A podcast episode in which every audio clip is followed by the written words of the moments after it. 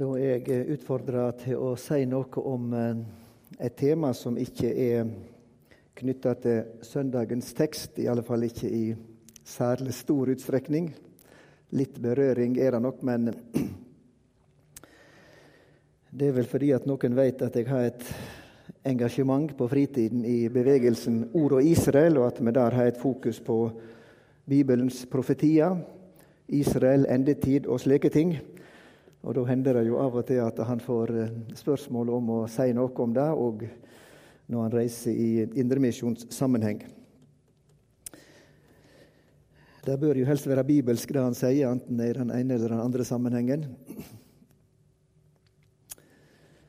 Jeg hadde den store glede av å bli kjent med Gunnar Bjelland, som var bysekretær her i Bergens Indremisjon i mange, mange år. Både på arbeidermøte og sekretærmøte, ikke minst, i Indremisjon, eh, så eh, ble jeg kjent med han. Fantastisk mann. Og jeg husker han sa noe, og dette er jo flere tiår tilbake. Og han taler om noe som var mye tidligere enn det òg. Når jeg tenker tilbake på møtet i Bergens Indremisjon eh, for en del år tilbake, så tror jeg ikke det var ett eneste møte uten at dette her med at Jesus kommer snart, på en eller annen måte var framme. Ikke ett møte, tror jeg, han. Det trengte ikke være hovedtalen, men taleren kunne komme inn på det. Eller det var møtelederen som kom inn på det, eller i sangvalget. På en eller annen måte så var det der hvert eneste møte. Skal vi ta et intervju med Glenn og Gunnar og høre om det har vært slik i seinere tid òg?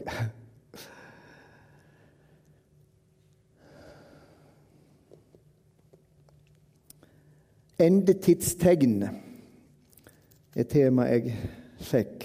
Tegn forut for Jesu gjenkomst. Bibelen taler veldig mye om dette både i Det gamle testamentet og Det nye testamentet. Og ganske mye er vanskelig. La oss bare innrømme det med en gang. Sjøl innenfor indremisjon så uh, spriker det. For en del år tilbake så var jeg jo en av tre som skulle gi uttrykk for mitt syn på endetiden i ei bok som heter 'Herren kommer tre syn på endetida'. Johannes Kleppa, Olav Valen Senstad og Per Gunsteinnes skulle bidra. Ehm, og helt likt eh, har vi nok ikke sett på det. Ehm, men det er jo ikke dermed sagt at alt er håpløst. Alt er umulig å forstå.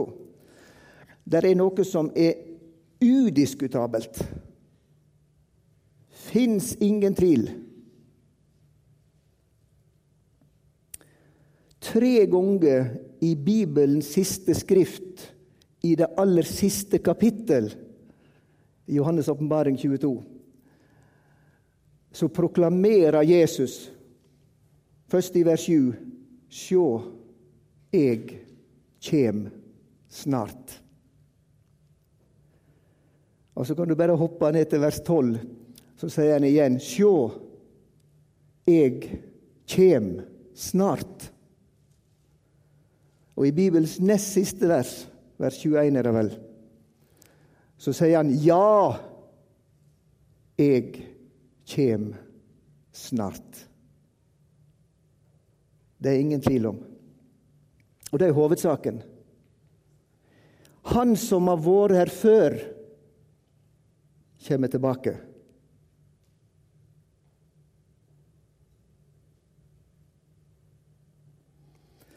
Hans første komme og hans gjenkomst er så innfletta i hverandre at det kan ikke skiljes. Legg merke til hva Hebreabrevet 12,3 sier om, om Jesu lidelse.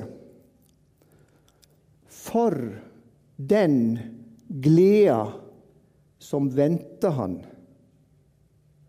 lei han krossen tålmodig, uten å bry seg om vanæra. Bibelen legger ikke skjul på at eh, det kosta Jesus mye, det som skjedde ved hans første komme. Han sier det sjøl òg. Nå er sjela mi full av uro. Men hva skal jeg si, Fader, frels meg fra denne timen? Men nei, derfor har jeg kommet til denne timen. Hva er det som bærer Jesus gjennom hans lidelse, hans fornedrelse, hans død? Den gleda som venter han. Det var fokus. Og da å tenke at han skulle betale prisen for deretter å forsømme å hente sin lønn det er absolutt utenkelig. Han kommer snart. Det er den tydelige hilsen ifra han i Bibelens aller siste kapittel. Én ting til er helt sikkert. Apostelgjerningene 1,6. Det hører ikke oss mennesker til å kjenne tide og timer når dette skjer. Dessverre så har mange dumma seg ut, enten med såkalte profetier eller ved utregninger, og prøvd å tidfeste når en skal komme tilbake. Enda Jesus sjøl har sagt det så tydelig så det er mulig å si det. Så de to ting er sikkert. Og andre ting er ganske tydelige òg. Og så er det vel likevel sånn at vi ser alle stykkevis og delt. Så ingen tror jeg skal slå seg på brystet og si at jeg hadde rett i alle punkter i forbindelse med esjatologien eller endetidsspørsmål. Så lytter vi være ærlige mot vår forståelse av Guds ord og tenke på Jakob, Jesu halvbror, som sier ikke mange av dere blir lærere, for vi skal få dess strengere dom. Så da får jeg tenke på når jeg nå skal forkynne litt om disse ting.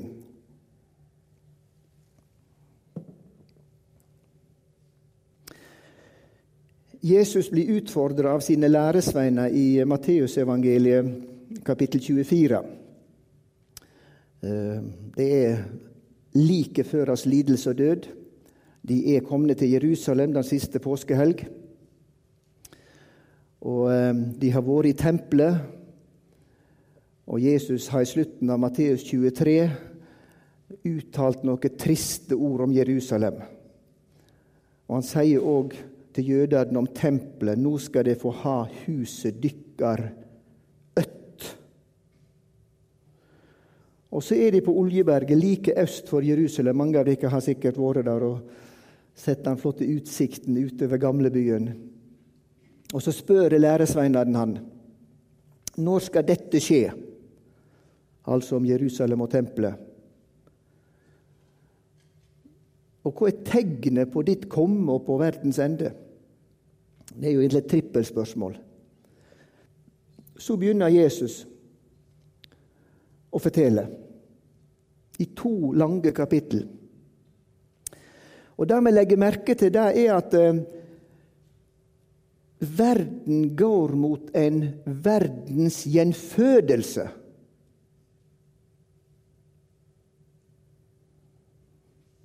Ting skal bli født på nytt. Og som normalt er i forkant av en fødsel, så er det føderiet.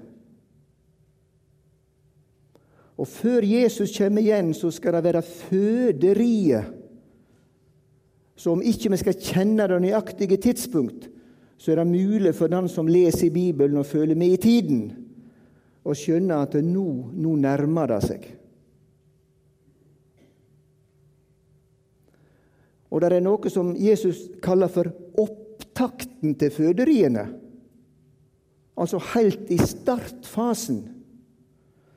Nå er jo ikke jeg noen ekspert på akkurat det som går på føderi og fødsel, naturlig nok, men de som har jo en viss peiling, vil jo skjønne at nå, nå, nå kan det ikke være lenge til fødselen skjer. Han ser det jo, og han kan registrere en del tydelige tegn på at nå, nå skjer det noe. Slik taler Jesus. Og så rekner han opp ganske mange ting. Han går ikke djupt inn i det, og det kan ikke vi gjøre nå i, i dag heller. Men det første som han sier, og det skal vi streke under Det du sier først, det er viktig. Pass dykka.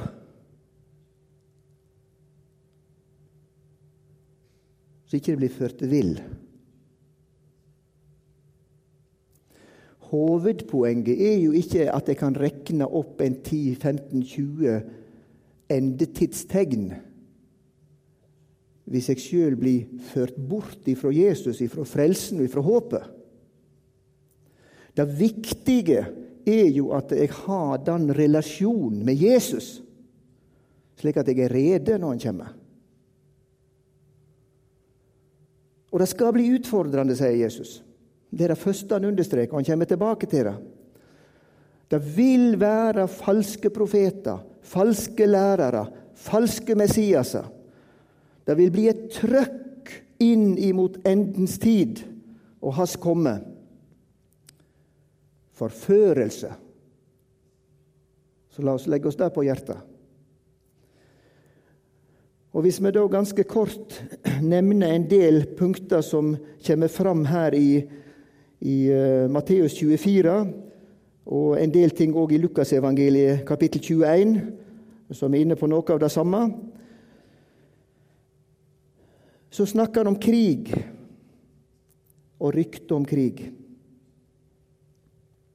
Hunger, jordskjelv, trengsel her på jord og martyrie for de som hører Han til og hat som han skal bli gjenstand for. Det skal bli frafall, angiveri. Falske profeter og forførelse, som jeg allerede har berørt. Lovløshet de tar overhånd, og kjærleiken skal bli kald blant mennesker. Evangeliet om riket skal forkynnes over hele jorda, og ødeleggelsens styggedom skal stige fram det som Daniel har skrevet om, sier Jesus. Og Dermed så taler han òg om at eh, Israel skal være i fokus. De som er i Judea, altså omlandet til Jerusalem, er det sagt noe om. Og det er sagt noe om at de må be om at ikke det skal skje på en sabbat. Og Det har jo ingen betydning verken for oss kristne eller for muslimer og eh, mange andre i verden, men det er knytta til Israel. Det skal bli ei trengselstid her på jord som verden aldri har opplevd maken til. Ikke i den farne historie, og ikke med de store verdenskriger i nærere historie. Dette skal være en trengsel ute, uten sidestykke, og etter hvert så skal det bli tegn òg i sol og måne, og himmelens krefter skal rokkast er noen av de stikkordene her. Lukasevangeliet taler om pest. Og taler videre òg om at israelsfolket skal bli bortført, og Jerusalem skal være nedtrakka av hedninger, altså av ikke-jøder, inntil hedningene sine tider er til ende. Og I vers 25 der i Lukas 21 så taler han òg om havet, brenninga, om brottsjøa, som skal være endetidstegn. Noe det er bare opptakten. Og noe det er helt inn til det tidspunktet da det skjer. Jeg husker jeg tenkte spesielt på det da denne tsunamien i Asia for en del år tilbake. Det var jo kanskje ting som jeg ikke hadde hørt så mye om og lagt merke til, men da tenkte jeg her er noe som skulle vekke oss som leser Bibelen. Ting skjer. Dette med krig og rykte om krig, har ikke det alltid vært slik? Er det noe, er det noe tegn, er det noe bevis? Har det vært krig. Israel lå jo under Romerriket i Jesu samtid. Og Før da så var det jo et gresk-makedonsk rike, og før da var det jo et persisk rike, og før da var det et babylonsk rike. Så krig og rykte om krig hadde det vært. Men det som kanskje er mest spesielt, det er at ikke det skal bedre seg i endens tid. Tenk bare på tiden etter andre verdenskrig. Der folk tenkte og sa høyt at eh, noe hadde jo kommet ut av denne tragiske periode. Vi har iallfall lært. Konflikter må løses med andre ting enn våpen. Verdenssamfunnet kobles inn. Samtale, dialog. Ja, var ikke det nærliggende å tenke hvis mennesket er godt på bunnen, som det heter blant mennesker flest, at dette skulle gå seg til? Men kanskje det sterke ved det Jesus sier her, det er at det går seg ikke til. Det skal vare ved. Det skal faktisk tilta inn mot endens tid. Det er jo ganske ufattelig at det sjøl i Europa så har vi ikke klart å unngå kriger. Tidligere Jugoslavia, Ukraina, Russland.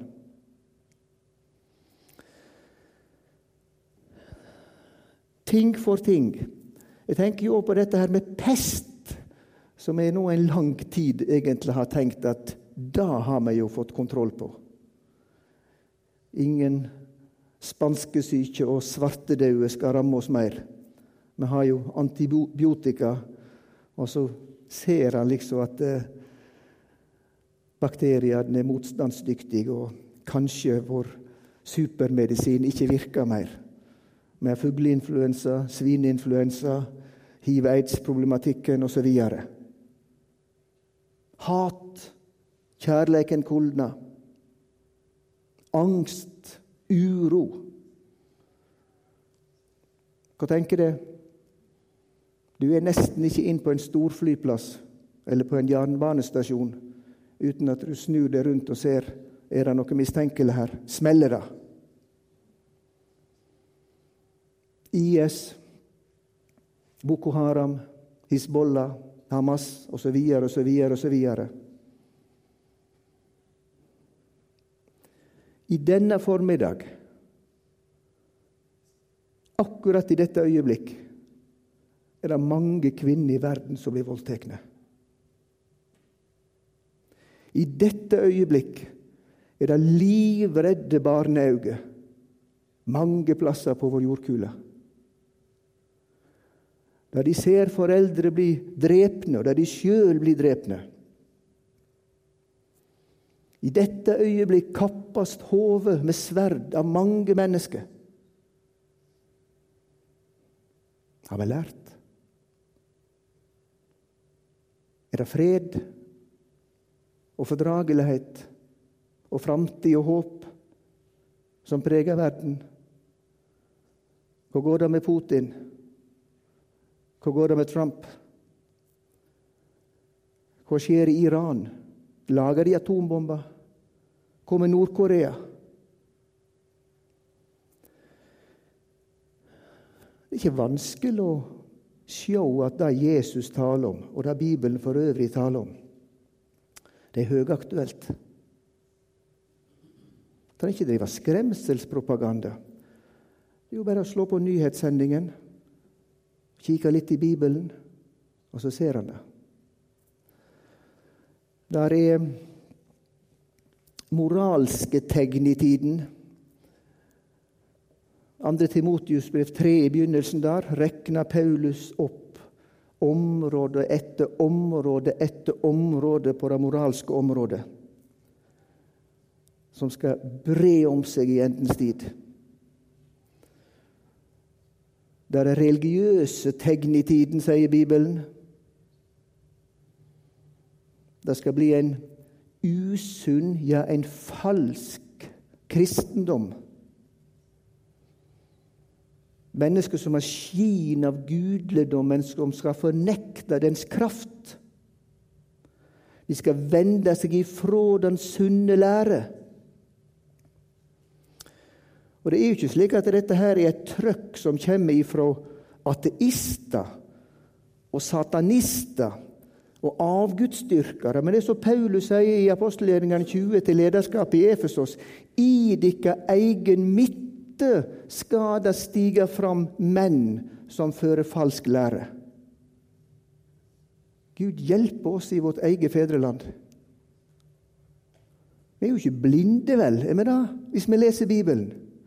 At det som Bibelen tydelig og med forståelige ord sier synd, det aksepteres ikke bare i samfunnet, men i Den norske kirke, og sniker seg inn til en viss grad overalt. Les Romerbrevet 1, hva som kjennetegner der der Gud overgir mennesket til deres egne lyster.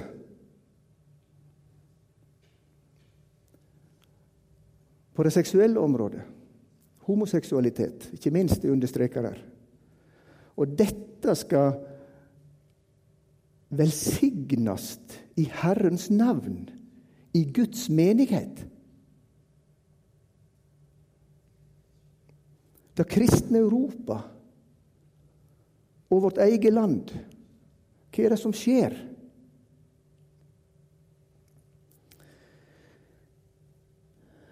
Og på det teknologiske området så, så, kan det jo nevnes en god del ting.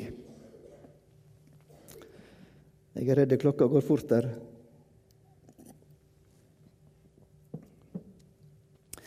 Daniel, som var jo en endetidsprofet mange interessante kapittel der.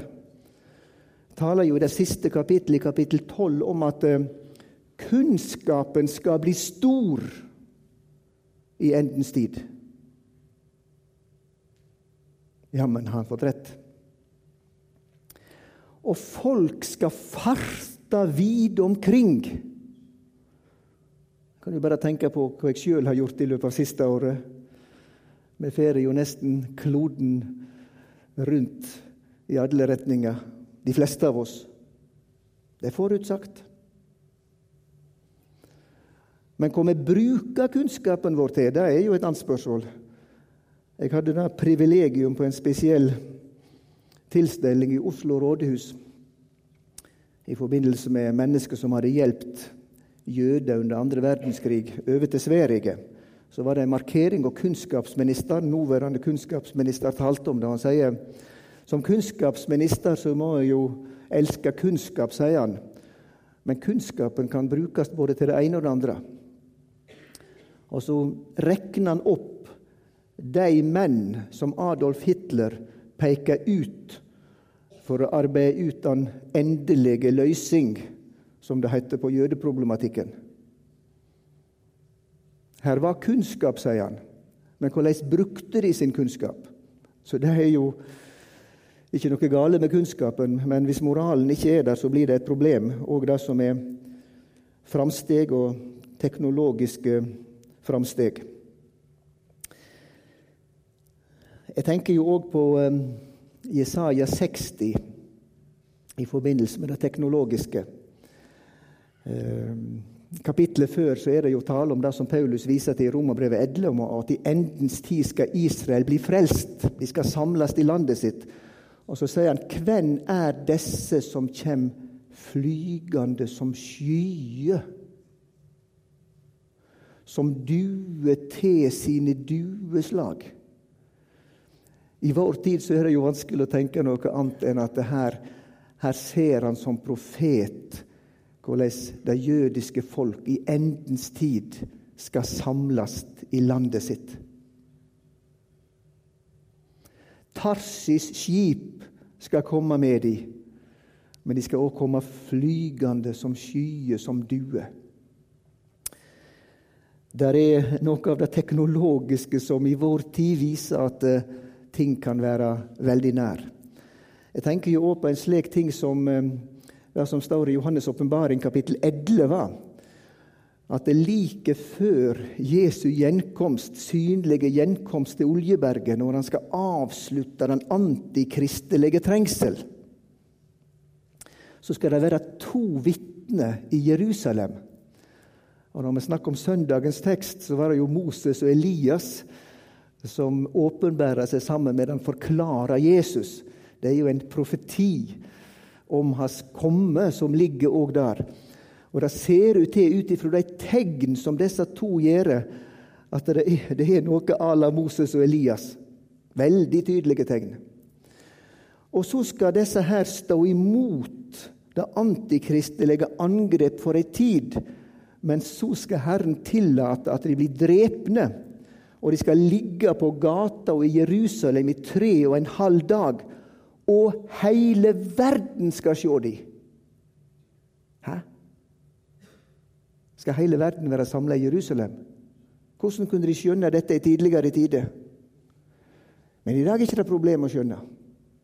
Teknologien med moderne TV, data, nettbrett og ikke minst moderne mobiltelefoner. Med kamera i Jerusalem så kan hele verden være vitne til at det går bokstavelig oppfyllelse. Og som jeg har vært inne på Israel er lilleviseren på Guds klokka. Jeg har ikke tid til å gå mye inn på det nå. Det er et stort tema. Les Jeremia 31.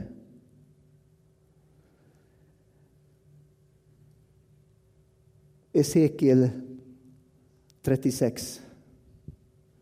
Jesaja 43. Zakaria 12 og 14 og mange, mange andre. Israelsfolket skal spreies utover hele kloden og ristes blant alle folkeslag. Det skal se ut som de blir helt utrydda, men Herren skal bevare en rest. Tenk på holocaust. Men endens tid skal han som spredde Israel, samle de på Israels fjell. Efraim, Samaria, Sion, Jerusalem. Den såkalte Vestbredden i dag. De skal plante vingarder, og Herren skal plante deg i landet sitt og de skal aldri mer bli adspredde.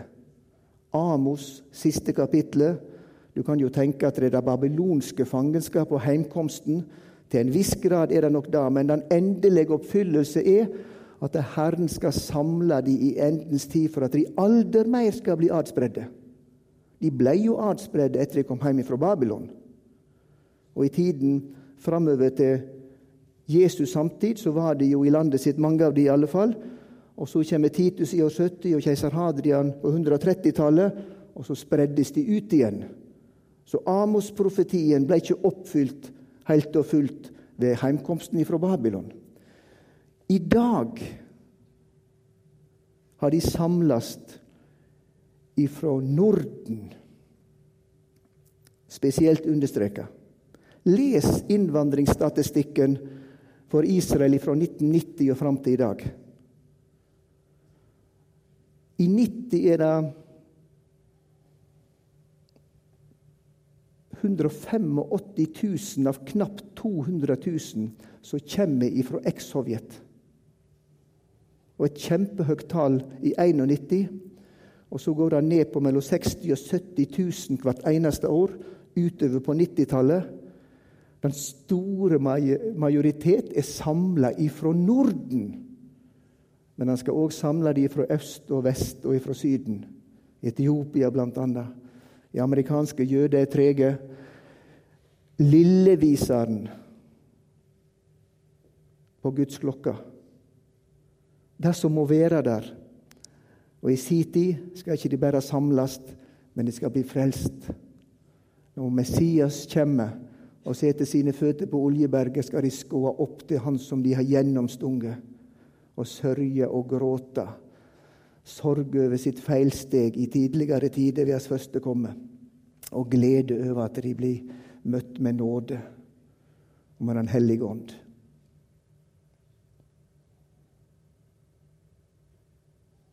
Er vi blinde? Sover vi?